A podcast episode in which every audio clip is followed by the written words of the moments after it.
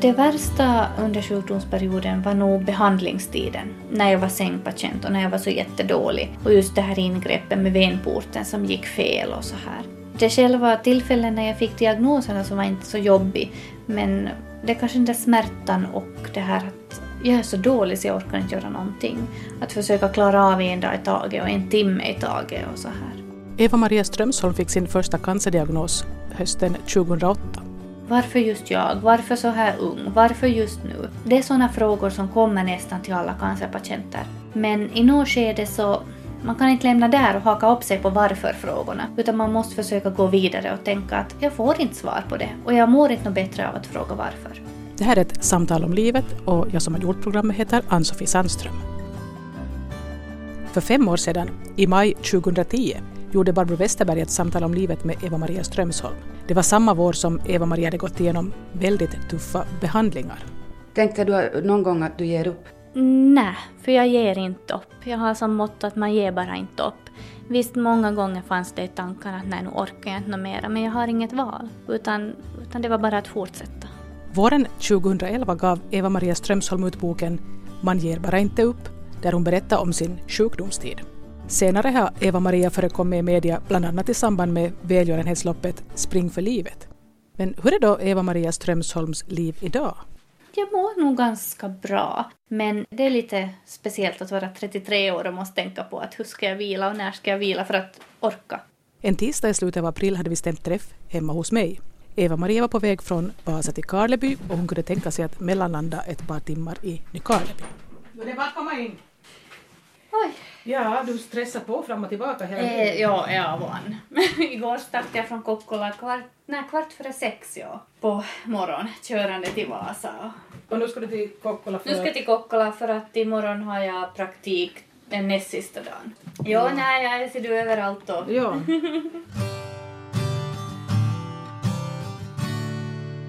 Börja med att berätta vem du är. Ja, jag är Eva-Maria Strömsholm, 33 år, snart 34. Klasslärare från första början och utvecklingspsykolog som nu studerar till sjukskötare. Så du håller på med tredje yrkesutbildningen. Ja, det gör jag. Du har förekommit en hel del i media på grund av... Det är mest på grund av min cancer som jag fick 2008. 27 år var jag då. Och du har också hållit på hemskt mycket och sprungit. Jo, det var mitt stora intresse det här med långdistanslöpning och träning och tävling. Eftersom Eva-Maria kom hem till mig i Nykarleby när hon var på väg från Vasa till Karleby så frågade jag varifrån hon egentligen är hemma. Pappa är från Kokkola och mamma är från Jakobstad och, och själv blev jag född i Jakobstad och, och ungefär när jag var fem år så flyttade vi till Vasa och, och där har jag egentligen gått min skola och alla mina studier. Vi ska gå lite bakåt i tiden så jag frågar Eva-Maria hurdan hon var som barn. Jag tror jag var ganska snällt barn. Väldigt snällt och lugnt och lite sådär blygt. Jag tror inte att jag pratade sådär riktigt mycket extra utan jag, jag tänker också på det när jag gick i skolan så satt jag tyst och blev jag tillfrågad så svarade jag och jag markerade och så här. Att ganska sådär ordentligt barn tror jag. Vad tänkte då Eva-Maria som barn att hon skulle bli när hon blev stor? När jag gick i lågstadiet hade jag en väldigt, väldigt bra lärare som jag tyckte mycket om och Eh, där fick jag egentligen den här tanken på att jag skulle vilja jobba med barn och jobba just som lärare. Så det var ungefär på årskurs 6, årskurs 7 som jag fick det där riktigt brinnande intresset för att, jag, att jag, jag vill bli klasslärare. Så det var egentligen målet under hela högstadietiden. Sen var det också under högstadiet så blev mina betyg ganska mycket sämre och jag konstaterade att, att det kan vara ganska svårt att komma in till gymnasiet med de här vitsorden. Så då kämpade jag till mig lite bättre vitsord men det räckte inte helt. Och jag minns den här sommaren eh, när jag hade sökt in till övningsskolans gymnasium och inte kom in så minns jag att oj nej, vad ska jag göra nu? Och som tur var så såg jag Vasabladet en annons där de sökte till ett nytt gymnasium som i dagens läge heter Vasa gymnasium. Så där sökte jag in och jag kom in. Så där kämpade jag mig till också i en bättre vitsord för jag visste att ska jag komma in till pedagogiska fakulteten så måste jag åtminstone höja vitsorden och, och bli student. Vad tror du var som gjorde att du fick sämre vitsord just i högstadiet? Det var kanske lite andra intressen och, och sen det också att, att jag blev lite skoltrött. Jag tror jag hade varit lite alltför duktig i lågstadiet och, och kanske på sjuan men sen, sen så somnade jag till lite där. jag orkade inte koncentrera mig. Att det var också friidrottsintresse var där så jag tränade väldigt mycket i friidrott och sånt. Hur tidigt började du träna friidrott? Uh, årskurs ett så ganska liten. Men sen när jag märkte på högstadiet att det fanns ingen gren som jag var riktigt bra på eller bra i. Att jag var för kort för att hoppa och, och jag var för liten och späd för att orka kasta någonting eller stöta kula. Så jag visste nästan, nästan då att att ska jag satsa på något så är det det här långdistans och löpningen, för jag var inte snabb heller. Men det bara rann ut och jag var inte tillräckligt bra, så det lämnade där. Och när började du sen träna på allvar igen då? Det var då jag studerade till klasslärare. Så märkte jag att jag bara sitter och sitter och sitter och studerar och är instängd. Så jag började på att gå ut och gå och röra på mig lite och till sist så hade jag inte tid att bara gå utan jag måste börja springa. Så det var lite av ett misstag som jag kom tillbaka till det här med långdistanslöpning. Så det är en ganska lång paus däremellan? Ja, det var det nog. Eller gymnasiet. Ja, när jag sen då kom på den tanken att jag kanske skulle kunna tävla i, i halvmaraton och så här, så då började jag träna på allvar för jag tänkte att med den lilla jag springer bara och, och rör på mig så räcker det inte att klara ett halvmaraton. Så då tränade jag mera målmedvetet och ju roligare det blev efter första halvmaraton så konstaterade jag också att nej, att på gym måste jag gå för att få muskelstyrka och så började jag samtidigt tävlingsdansa. tävlingsdansa. Så då blev det absolut mer och mer hela tiden.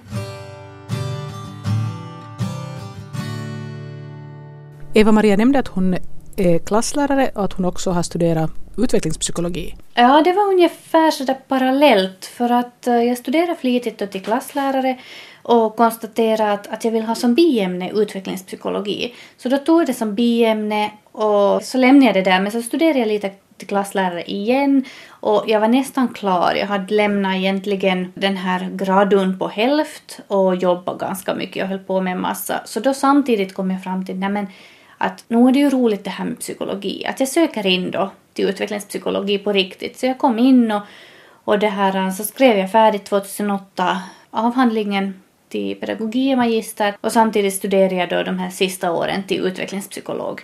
Eva-Maria satsade också hårt på att träna. Jag tyckte själv att det här fungerar ju bra, det här är någonting för mig och, och jag hade fått en egen tränare och tyckte att det här var någonting som jag faktiskt vill satsa på ännu mera. Jag ber Eva-Maria berätta om det som hände hösten 2008.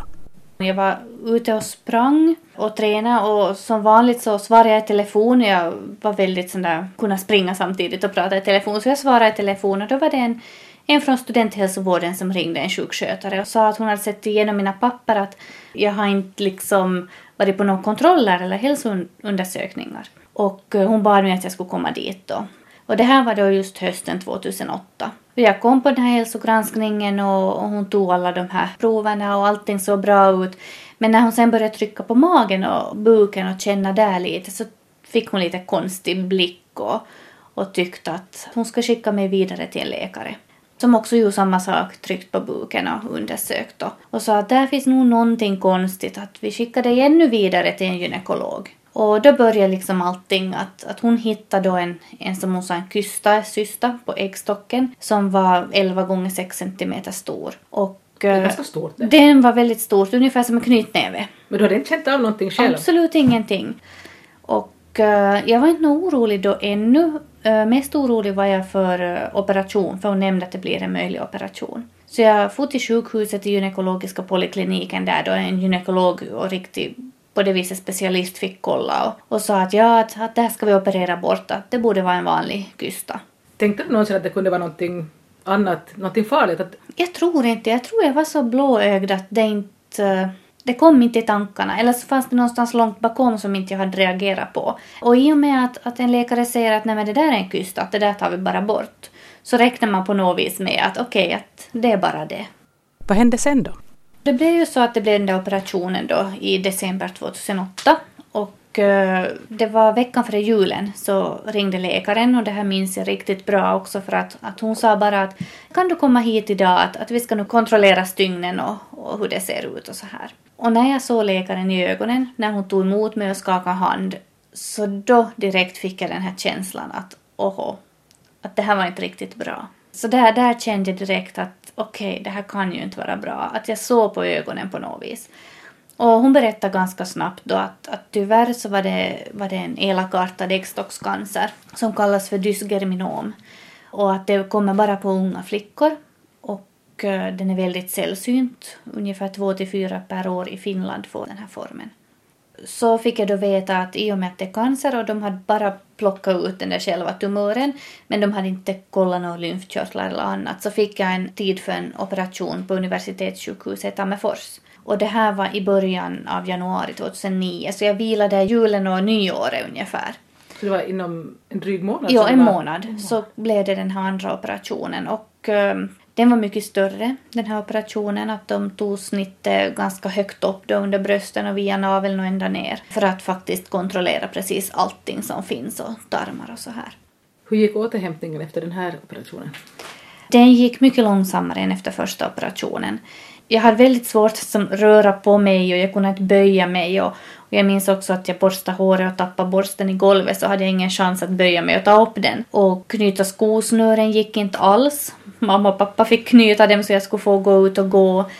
Och också det här med att gå ut och gå så var ju en, en grej för sig. Att, att jag gick kanske till postlådan och, och så försöker jag gå 100 meter och, och öka lite vartefter. Att som gammal idrottare då kände ju jag att, att det här, jag måste rehabilitera mig ganska snabbt och ordentligt och, och ta små steg i taget. Så det gick långsamt men jag kämpade på så gott det gick. Fick du några andra behandlingar då efter den här? Nej, ingenting. Utan den här operationen så gick bra och patologsvaren så visade ingenting konstigt. Så allting såg bra ut och när det inte finns någonting utan det var som i, i stadie 1 så får man ingen behandling för den här typen av cancer. Så jag rehabiliterade mig hela våren 2009 och deltog i Jakobstad i distriktsmästerskapet under påsken i 10 kilometer landsvägslöpning och eh, tyckte ju att eh, jag ville göra det för att komma tillbaka till löpningen igen. Men jag minns den här dagen också väldigt bra för att det, det regnade och det slaskade och det var väldigt kallt och det var min första tävling efter de här operationerna och jag hade där hemma bara sprungit 8 kilometer och inte 10 kilometer. Så jag visste inte att orkar jag och klarar jag det här. Men det gick bra och jag tävlade för mig själv och jag kom i mål och hade en helt hyfsad tid. Men är det vanligt att man kan komma igen efter en så stor operation att man kan börja springa och sådär? Det var ju bara någon månad efteråt. Ja, det var ju i april då, så det hade väl gått uh, sen januari. Så det var ju ganska, ganska snabbt nog. Eh, men jag tror att i och med att jag var ganska bra i skick fysiskt tidigare också så kunde jag rehabilitera mig lite snabbare. Och det var nog bra, för att eh, härifrån och framåt då 2009 på sommaren så tävlade jag egentligen varje helg och jag fick nytt personligt rekord på halvmaraton och världen log mot mig och allting var jätte, jättebra. Men senare då mot hösten 2009 så började jag få mera värk i, i ryggen och jag pratade med min tränare och funderade att kan det vara överansträngning? Och jag fick råd att vila en vecka och inte röra på mig någonting. Och den här veckan gick och värken bara tilltog i ryggen jag funderade vad är det här? Och då hade jag faktiskt varit också på olika undersökningar och kontroller också som hör till efter operationer och allting hade visat bara bra. Så jag hade ingen tanke på att det skulle kunna vara någonting sånt. Men äh, det var en fredagkväll när jag inte stod ut med de här smärtorna och mera så får jag faktiskt till akuten. Och efter många om och men så kom de fram till att, att ja, tyvärr så finns det en ny tumör vid ena njuren. Så den här verken som fanns i ryggen så kom från, från den här tumören vid njuren. Hur reagerar du då? Ja, jag är ju ganska sådär praktisk så jag ställer ju en massa frågor. Att jaha, vad händer nu? Vad ska jag göra nu? Hur blir det med min träning? Och kommer det att bli operation? Och mycket sådana här tankar. Eh, och sen förstås det också att hur ska jag berätta det här nu igen åt min familj? Det är ju också inte så roligt för dem heller att, att försöka som hitta att, att hur ska jag säga det och när ska jag säga det och vad ska jag säga och så här. Så du ville skydda den på något sätt? Ja, tillika nog, men eh, jag kom fram till ganska snabbt, jag minns när jag satt i bilen på väg hem från sjukhuset så tänkte jag att det är bara att säga som det är. Inte var det ju något riktigt roligt men jag är ändå som så pass stark, eller åtminstone då var jag stark så att att jag minns det här jag berättade för mamma och så bytte jag till träningskläder och åkte till Vörå och tränade med Vörå IF. Eh, det intressanta var att i juli så hade jag varit på en CT-undersökning och då syntes ingenting. CT är alltså... Datortomografi. Och, ehm, och efter den här CT-undersökningen så visade ingenting då i juli. Men direkt tre månader efter det så var det en stor tumör. Så på tre månader så hade det vuxit från ingenting till 7 gånger 7 centimeter. Den kände du i alla fall av? Den kände jag, för det var verk, den gav helt enkelt verk. Den tryckte på en blodådra på njuren och så här, så att det, det var det som gjorde verk. Hur blev det här behandlingen den här gången? Eh, Den här gången blev det som så att, att jag fick vänta en stund. Jag tyckte ju själv att det var allt för länge i och med att jag hade värk den här gången. Så jag stod knappt ut med den här värken. Men jag fick en operationstid igen i Tammerfors i början av december. Så det var exakt ett år efter första operationen så blev jag opererad en tredje gång. Och den här var stor operation också. Den var som, nu var det vågrätt det där snittet egentligen över hela magen. Eh, Så jag kom hem veckan före julen och eh, fick vila då igen julen och nyåret. Det är alltså julen 2009. 9 vi pratar om nu, just precis. Ja. ja. Och så hoppade vi till, till januari 2010 när jag var på återbesök då till läkaren som eh, berättade om hurdan behandling jag kommer att få. För att eftersom den här cancern hade kommit tillbaka så behövs det behandling den här gången för min sort. Eh, Var och det då, alltså samma cancer eller var det en ny? det var samma cancer. Det var samma i alla fall. Det var samma. Det var som en metastas så att säga. Och jag hade ju tagit reda på då att jag har cancerbehandlingar, att hur mår man och vad händer och, och hur många gånger får man och så här. Så jag tyckte ju att nej men, nå ja, men det här ska vi väl klara av tyckte jag. Tyvärr så ville de ge en riktigt, eller jag vet inte tyvärr eller tyvärr, det var ju kanske bra att de gav mig en dunderkur. Så jag fick tre olika sorters cellgifter. Först fick jag fem dagar i rad, så vilade jag helgen och fick en tisdag. Så vilade jag den där veckan och fick följande tisdag. Så vilade jag igen lite och fick fem dagar i rad. Och så här fortsatte hela tiden. Hur länge höll det här på då? Bara, ska vi säga som så, två månader. Så på de här två månaderna fick jag 22 gånger cellgifter. Man brukar ju få kanske på ett halvt år 6, 7, 8 gånger. Så den var på det viset en riktigt dunderkur. Hur mådde Eva-Maria under behandlingarna?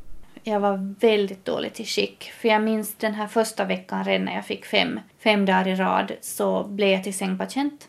Jag orkade inte upp, jag mådde illa, jag klarade inte av att äta. Mamma och pappa hjälpte mig på WC, jag hade inga krafter och jag behövde egentligen hjälp hela tiden. Men den här veckan också så började hemsjukhuset komma hem och, och ge lite dropp åt mig, näringsdropp. För jag sa att jag inte kan äta. Att jag, jag Du mådde så dåligt så du ja, kunde inte äta? det gick inte. Och eh, det här fortsatte då kanske två veckor och eh, varje gång jag pickade kanyl och försökte hitta mina blodådror så, så försvann de eller de skrumpnade ihop eller de var dåliga. Så läkaren tyckte att vi måste operera in en så kallad venport. Det är en liten knapp som sätts eh, nedanför nyckelbenet och eh, i den där knappen så kan man sätta en kanyl och genom det sätter man in cellgiftet. Okej, så man behöver inte sticka på Då nytt behöver varje man inte sticka på nytt varje gång utan man opererar in den där venporten och eh, då behöver man bara sticka genom huden för den här venporten ligger direkt under huden. Var det ett stort eller litet ingrepp? Det var ett litet ingrepp som egentligen gick lite fel så det blev väldiga komplikationer. Tyvärr så kände jag så länge de opererade in den här venporten att jag fick ont i sidan och, och ryggen och så här. Eh, så efter en röntgen så konstaterade de att eh, oj, att du har fått någonting som heter pneumotorax. Och det betyder att det har kommit luft in på fel ställe i lungan och lungsäcken och att lungan håller på att kollapsa. Så det här blev ganska akut ner till operation igen och eh, då skulle de sätta in ett dränage mellan revbenen. Så att de skulle få... Så en, ett rör? Ett rör, ja en slang mellan revbenen rakt in i lungan. Så de får dra ut den här eh, luften som fanns där. Hur var det då? Det var grymt. Det var värsta vad jag någonsin har varit med om. Fast jag gått igenom tre stora operationer så var smärtan värst med det här. Två, tre dagar hade jag det här. Och den dagen jag skulle åka hem när de hade tagit bort och jag fick vila upp lite så kontrollerade de för säkerhets skull med en röntgen. Så tyvärr så hade den antingen hade pneumotoraxen, alltså luften, kommit tillbaka eller så hade den inte farit tillräckligt bort. Så det blev att sätta ett dränage igen och det gjorde precis lika ont. Men den här, den här luckan du skulle få här under nyckelbenet, det funkar sen senare? Eh, Venporten fungerar nog fem dagar ungefär efteråt för att då börja få cellgifterna på nytt. Du måste ju vara helt slut efter det där liksom. Jo, alltså jag var ju sängpatient före och jag var ju totalt däckad efteråt och, och minnesluckor finns och jag var helt borta.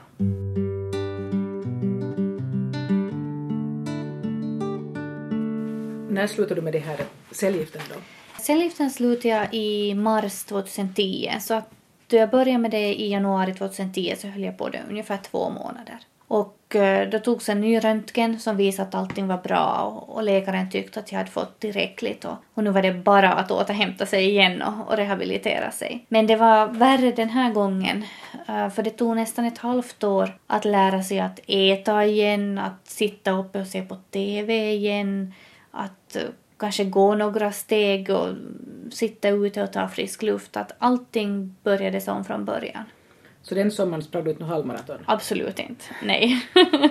Nej, den sommaren så klarade jag kanske av att, att gå sista slutligen två kilometer väldigt långsamt. Och jag hade ju gått ner väldigt mycket i vikt, jag vägde bara 42 kilo när jag fick de här cellgifterna i och med att jag inte klarade av att äta. Så sommaren gick åt att försöka äta och få krafter och få energi igen. Orkar du alls träffa folk? Orkar du alls liksom vara social med släkt och vänner? Eller? Eh, sakta men säkert, så kanske ett halvt år efter så, så började jag lite vara social igen. Jag var ju ganska infektionskänslig fortfarande när vi kollade blodproverna och såg de här vita blodkropparna så att, att jag var ju inte riktigt mycket i, i stan eller, eller nära någon som var förkyld ganska mycket satt jag nog hemma men istället då så skrev jag mitt slutarbete till utvecklingspsykolog. när jag lite började få tillbaka krafterna. Och eh, under den här sjukdomstiden när jag haft möjlighet så, så skrev jag också dagboksanteckningar. Vilket då sen resulterade 2011 på våren till en bok som heter Man ger bara inte upp. Är det det som har varit ditt motto hela tiden?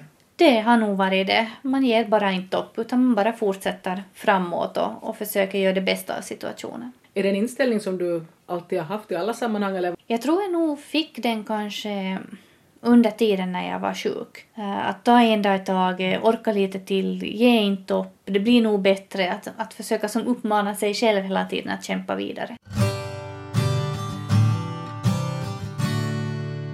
När fick då Eva-Maria Strömsholm tillbaka kraften och började känna sig återställd? vad ska vi säga, jag har inte ännu de här krafterna helt och hållet. Jag är inte ännu riktigt återställd med den här piggheten ska vi säga.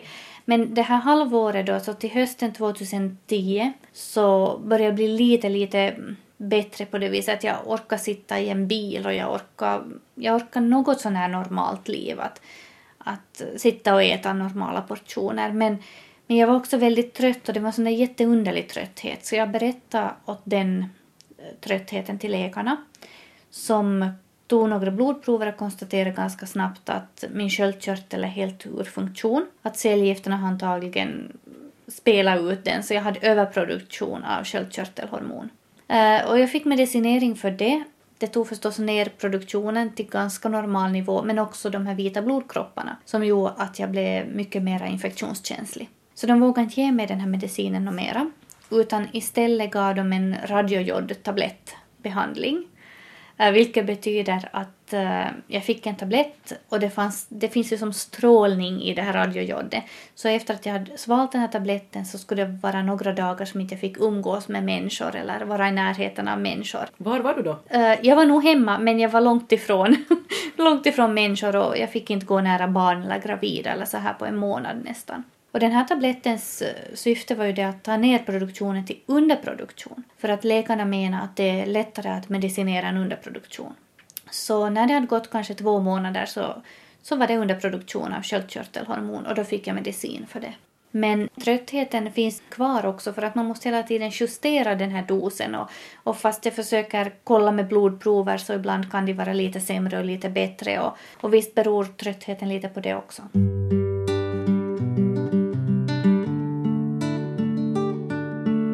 I vilket skede började du hålla föreläsningar om din cancer? Jag tror den första föreläsningen var just där våren 2011. Och eh, det var kanske mera för allmänheten i början och, och på olika såna här arbetarinstitut och medborgarinstitut och så här. Men eh, det gick vidare och vidare och nu just så har jag hållit ganska många föreläsningar i Sverige på de här större sjukhusen åt läkare och sjukskötare och berättat mycket om, om vad jag har gått igenom bemötande i vården och vad behöver vårdpersonal tänka på när de träffar patienter och då inte bara kanske cancerpatienter utan överlag. Eva-Maria ger några exempel på sånt som hon tycker att vårdpersonalen kunde tänka på. Det här att lyssna aktivt att faktiskt eh, finnas där och då i den där situationen och se patienten och, och ha tid. Det finns ju inte så jättemycket tid i vården i dagens läge men när man sitter ner med en patient att faktiskt ge den tid som behövs. Att äh, se patienten i ögonen så att man får på något vis någon sån här kontakt. Och, och det är så viktigt med trygghet också, att patienten känner sig trygg. Och att, att man som lär sig som vårdpersonal att avläsa patienter Hurdan är den här patienten? Är det en sån som vill ha mycket information eller är det en sån som inte behöver information just nu eller, eller är det en väldigt rädd patient och hur ska jag bemöta då en rädd patient och så här. Sen så är det också viktigt förstås inom vården att ha det här tålamodet. För vi alla patienter så jätte, jätte olika. Och eh, en del patienter är som jag som vill veta jättemycket och, och har info från förr och kanske kan mycket från förr. Så det, det krävs att man faktiskt finns där och då. Man kan inte tänka på följande patient eller vad ska jag göra när jag kommer hem. Det är inte bara så att Eva-Maria Strömsholm håller föreläsningar för vårdpersonal. Hon nämnde i böneprogrammet att hon själv som bäst håller på att utbilda sig till sjukskötare. När började hon med det? Det började faktiskt ganska nyligen, 2013 på hösten, började jag studera till sjukskötare. Och det var nog absolut ingenting som jag hade tänkt att jag skulle göra. För jag har alltid sagt att nej, att blod och nålar och sånt, det, det är inte min grej. Men här var det igen någon väninna som kom på den idén. Nej, men du, du kan så mycket, du har varit med om så mycket och du vet ju så mycket. Att kan inte du börja studera till sjukskötare så du kan hjälpa andra i samma situation?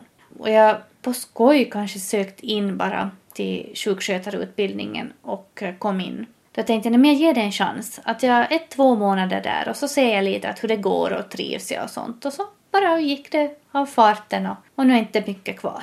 Tänker hon börja jobba som sjukskötare då, sen när hon är klar? Jag har ju nog mål lite högre. Att jag, kommer inte, jag har alltid sagt att jag kommer kanske inte att bli den sjukskötaren som, som är på en vanlig avdelning. Utan jag är mera den här som vill förebygga och, och sån här mera friskvård. Eller eller möjligtvis en sån här sjukskötarmottagning. Men så vill jag också kanske kombinera alla de här tre yrken. Eh, barn, psykologi, sjukskötare. Så då blir det ganska lätt barn och ungdomspsykiatri som man kanske tänker på. Så det skulle kunna vara någonting. På tal om psykologi och sånt, hur var det när Eva-Maria var sjuk? Hur hanterar hon den här psykiska biten? Uh, I och med att jag själv då studerade till utvecklingspsykolog och var nästan färdig, jag höll på med, med avhandlingen då när jag blev sjuk då andra gången och så här. Så jag tyckte jag hade ganska mycket hjälp av det. Att jag kunde bearbeta sjukdomen ganska bra. Sen vet jag också i något skede när jag var väldigt dålig och, och, fick de här cellgifterna så kom det faktiskt en sjukskötare som var skolad som psykiatrisk sjukskötare och pratade. Och eh, just då hade jag inte hjälp av det för att det var så mycket annat. Jag, jag kände att jag måste satsa på det här fysiska, att jag orkar inte prata om någonting psykiskt eller mentalt just nu utan jag var så dålig att, att först det åt sidan och sen kanske man kan börja diskutera det här psykiska. Att jag skulle nästan säga att, att det viktigaste att sätta in psykiskt stöd så är när behandlingarna är slut direkt. För då är man väldigt ensam. Då borde man vara frisk, då borde man själv vara hemma och återhämta sig och må jättebra i princip. Men så är det inte, för det är då de här tankarna kommer ikapp. Och det är där efter avslutad strålbehandling eller cytostatikabehandling som man borde få det här psykiska stödet. Jag frågar Eva-Maria vem eller vilka personer som fungerar som hennes psykiska stöd. Eh, förstås familjen och syster, så har varit nära. Sen har jag en väldigt god vän, nära vän, och hon är en sån som jag kan ventilera med. Alltså jag kan slänga ut vad som helst och hon hummar och säger ja och ja okej okay och så här. Att jag behöver inte alltid respons utan jag är en sån här som jag behöver prata av mig och eh, fast ingen skulle ha sagt ett enda ord utan jag skulle ha fått bara prata av mig så då är jag jättenöjd och glad. Och förstås har jag också en handfull andra vänner som jag, som jag berättar åt.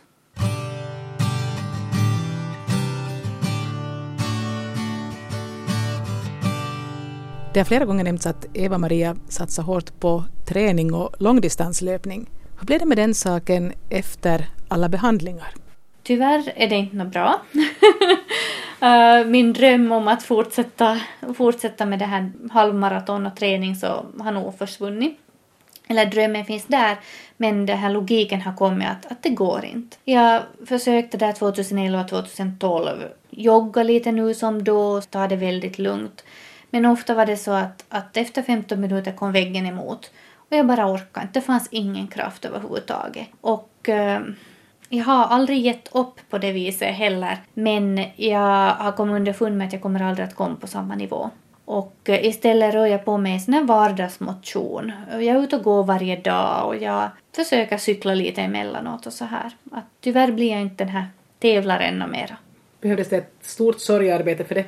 Ja, det har varit en lång process. Den kanske har varit värre den processen än den här sjukdomsprocessen. Att Att jag, jag kände att det här löpning och träning och tävling, det var jag. Det var mitt liv och det här var någonting som var faktiskt jag. Så ännu idag så är det jobbigt ibland att tänka sig det att, att nej, jag kommer aldrig att, att göra det här något mer. I och för sig ska man aldrig säga aldrig. Visst kan jag delta i ett halvmaraton bara som en motionär. Men eh, problemet är när man inte rör på sig något mera på samma sätt och eh, när man har sköldkörtelproblem så kommer också killarna automatiskt tillbaka hur man än försöker. Försöker att inte tillåta dem komma så kommer de och eh, där är det också konditionen blir sämre. Att det, det går bara så. Att jag kan tyvärr inte göra det vad jag har gjort men jag kan röra på mig i alla fall på många andra sätt och, och vara ute och gå. Jag är ofta ute och vandrar och när jag åker till södern så, så får jag vandra i bergen och så här. Så att uh, motionen på grundnivå, på sån här vanlig nivå, ger jag inte upp heller.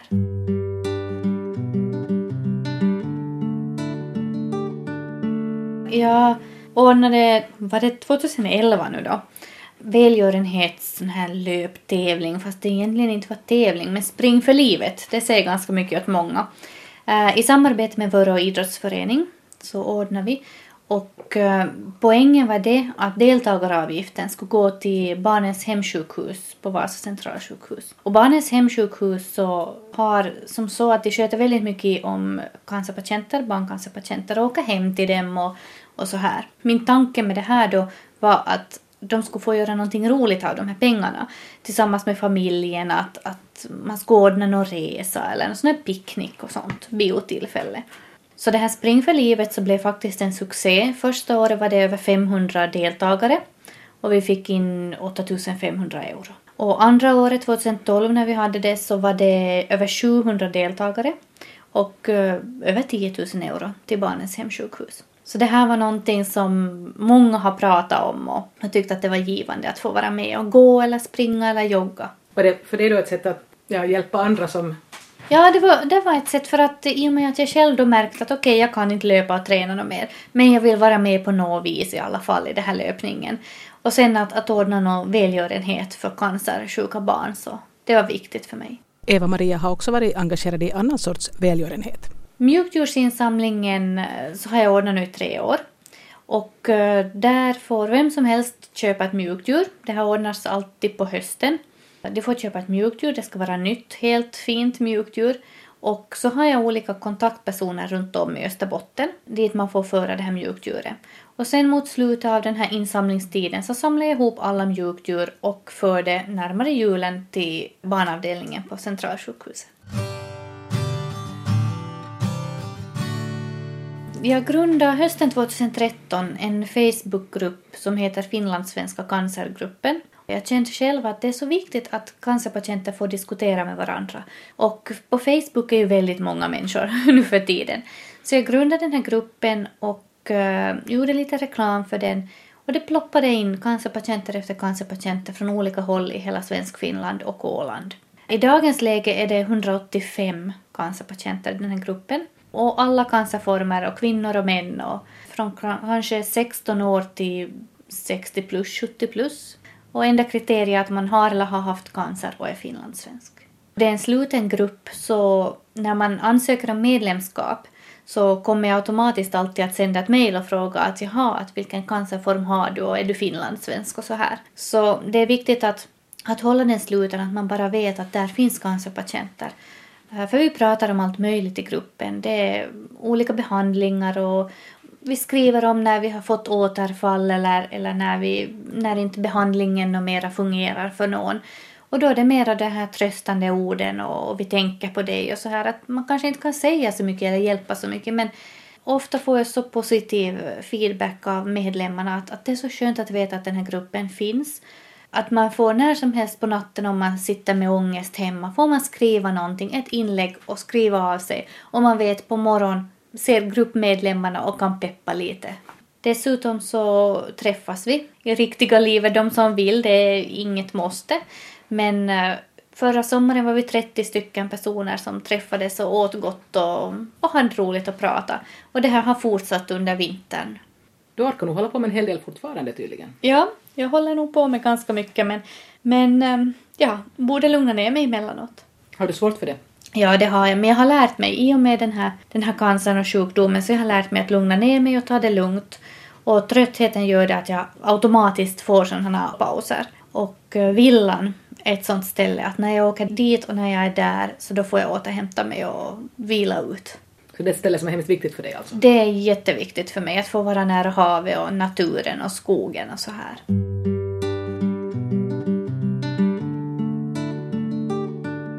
Det nämndes här tidigare att Eva-Maria Strömsholm år 2011 gav ut en bok, Man ger bara inte upp. Den boken är för övrigt slutsåld men jag fick själv låna ett exemplar av en bekant och jag läste den för jag skulle träffa Eva-Maria. I den boken nämns det en pojkvän. Jag hade en, en pojkvän där riktigt i början innan jag fick min första cancerdiagnos. Men i något skede så konstaterade jag att jag har så mycket med mig själv att, att jag, jag orkar inte. Och det var väldigt ny den här relationen och, och vi hade inte lärt känna varandra riktigt så djupt. Så jag tyckte att nu behöver jag ta hand om mig själv helt enkelt. Före du då fick den här första cancern, hade du då som mål i livet att i något skede bilda familj och få barn och sånt? Visst, jo, tankarna har funnits där hela tiden. Att, att familj vill jag bilda jag vill ha ett hus på landet och egen bil och vet du, båt och hela det här köret som nog alla drömmer om. Ja, vissa har andra drömmar. Ja, ja men det, det har funnits där hela tiden. Har du nu någon pojkvän? Nej. Jag har egentligen inte tid. För jag känner att, att om man ska gå in i ett förhållande så måste man ha också tid för det och tid för den här andra. Och det har jag inte just nu. Och sen känner jag att kanske det kommer och det kommer. Om det kommer. Så du är inte ute och surfar på nätet efter någon? Nej. Det var alltså äggstockscancer som Eva-Maria Strömsholm drabbades av år 2008 och på nytt år 2009. Så hur inverkar det här på hennes möjligheter att få barn? Uh, möjligheterna blev ju på det viset sämre i och med att jag har bara en äggstock kvar. Men, du har en kvar? Ja, jo, jag har en kvar så möjligheterna finns nog. För jag har förstått att det ibland kan vara så att man tvingas ta bort Allting, ja. ja. Men det var just i och med att jag var så ung och annars bra i skick och inte hade några andra sjukdomar. Plus att cancern var i så tidigt skede, fast den var stor, den här tumören, men att själva cancern var inte spridd. Så då, då kan man lämna kvar just möjlighet att få barn och lämna kvar en äggstock. Hur tänker du om den saken idag? Kanske lite tudelad. Att eh, visst, det är bra, jag har möjlighet att få barn, men eh, risken finns ju att eh, någon tumör eller några cellförändringar kommer på den äggstocken. Men det vet jag också att den här cancerformen som jag har, fast den är väldigt aggressiv och den blir stor den här tumören, så är prognosen ganska god när man väl har fått den här behandlingen. Jag frågade Eva-Maria om hon nu går omkring och är rädd att cancern ska komma igen. Rädd är jag kanske inte, men eh, tanken finns ju hela tiden varje dag. Det, det försvinner ju inte att det kan komma igen. Och cancer är är jättevanligt nu för tiden och det blir egentligen bara vanligare. Men sen är det också det att forskningen går vidare och det kommer nya mediciner och man hittar cancer mycket tidigare. Man hittade till och med bara cellförändringsstadiet. Eh, så överlevnaden är ju på det viset mycket bättre. Man brukar prata om att efter fem år blir man friskförklarad ifall man har haft cancer. Men eh, fast man blir friskförklarad så betyder det ju inte att den aldrig kommer tillbaka. Utan risken kan finnas upp till 15, 20, 25, 30 år efteråt också att visst, det är många som dör, men det är också jättemånga som, som lever länge med sin cancer eller, eller aldrig får tillbaka cancer. Så att det är viktigt att tänka positivt och se framåt. Att det är klart, det går inte alla gånger att tänka positivt och inte hela tiden. Men eh, jag tror det där att om man ser framåt och tänker positivt och försöker gå vidare så mår man mycket bättre själv i själen också. Och eh, ju bättre man mår, desto sämre mår cancern, brukar man säga. Att om man själv mår bra så mår cancern dåligt. Och sen är det det också, alla tänker negativt automatiskt. Eh, jag har också tänkt negativt en hel del men jag har själv känt så att det lönar inte sig i längden. Och just det här med att fråga varför. Varför just jag? Varför så här ung? Varför just nu? Så det är sådana frågor som kommer nästan till alla cancerpatienter. Men i något skede så man kan inte lämna där och haka upp sig på varför-frågorna, utan man måste försöka gå vidare och tänka att jag får inte svar på det och jag mår inte bättre av att fråga varför. Eva-Maria nämnde här tidigare att hon fortfarande är tröttare än vad hon var före hon fick sin cancerdiagnos. Men förutom att hon är trött, hur mår hon idag? Mm, jag mår nog ganska bra. Att det är förstås en massa komplikationer och, och den här tröttheten är kanske den här värsta. Och den kommer från eh, allt vi har gått igenom och alla cellgifter som klart har kommit in i kroppen och kanske förstört en hel del. Plus sköldkörteln. Så, så det vet jag att jag inte lika pigg numera och jag behöver mera tid för att ta det lugnt och för att återhämta mig och Eh, efter en arbetsdag eller skoldag så, så måste jag lägga mig ner på soffan en halvtimme, timme för att helt enkelt ta igen mig. Och det vet jag också att har jag mycket en dag så följande dag så måste jag ta det lugnt för annars så orkar jag inte. Att det, det är lite speciellt att vara 33 år och måste tänka på att hur ska jag vila och när ska jag vila för att orka.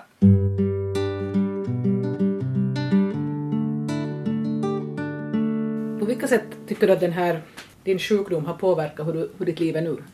Mm, no, det har ju påverkat på det viset att, att jag försöker vara lugnare. Och eh, sen är jag mer spontan. Uh, om jag har en åsikt så säger jag den. För jag tycker att varför ska jag spara på min åsikt? Och sen det är också att tycker jag att jag vill åka och resa någonstans så åker jag. Jag tänker inte på pengarna då, att har jag råd eller inte. Utan jag tycker man ska ta vara på den situation man är i just nu. Mår jag bra just nu och, och känner jag för att fara till, till Gran Canaria till exempel, så då gör jag det. Att det är klart jag måste se lite på ekonomin, det är klart, och möjligheterna, har jag tid, har jag ork. Men det är inte hela världen, utan jag tycker att mår jag bra och vill jag göra någonting så gör jag det. Till slut frågar jag vilka planer Eva-Maria Strömsholm har just nu. Uh, nu först och främst att, att det här orka till sommaren så att jag får sommarlov och, och vila upp lite. Men sen att, att bli färdig sjukskötare. Kanske inte till julen men i så fall till följande år i början av, av 2016. Och uh, sen får man se vad som händer. Man vet aldrig vart benen bär eller vingarna bär. Och, ja, det blir intressant. Jag tycker själv att det är spännande att se att vad händer sen. Det här var ett samtal om livet med Eva-Maria Strömsholm från Vasa. Och jag som gjorde programmet heter Ann-Sofie Sandström.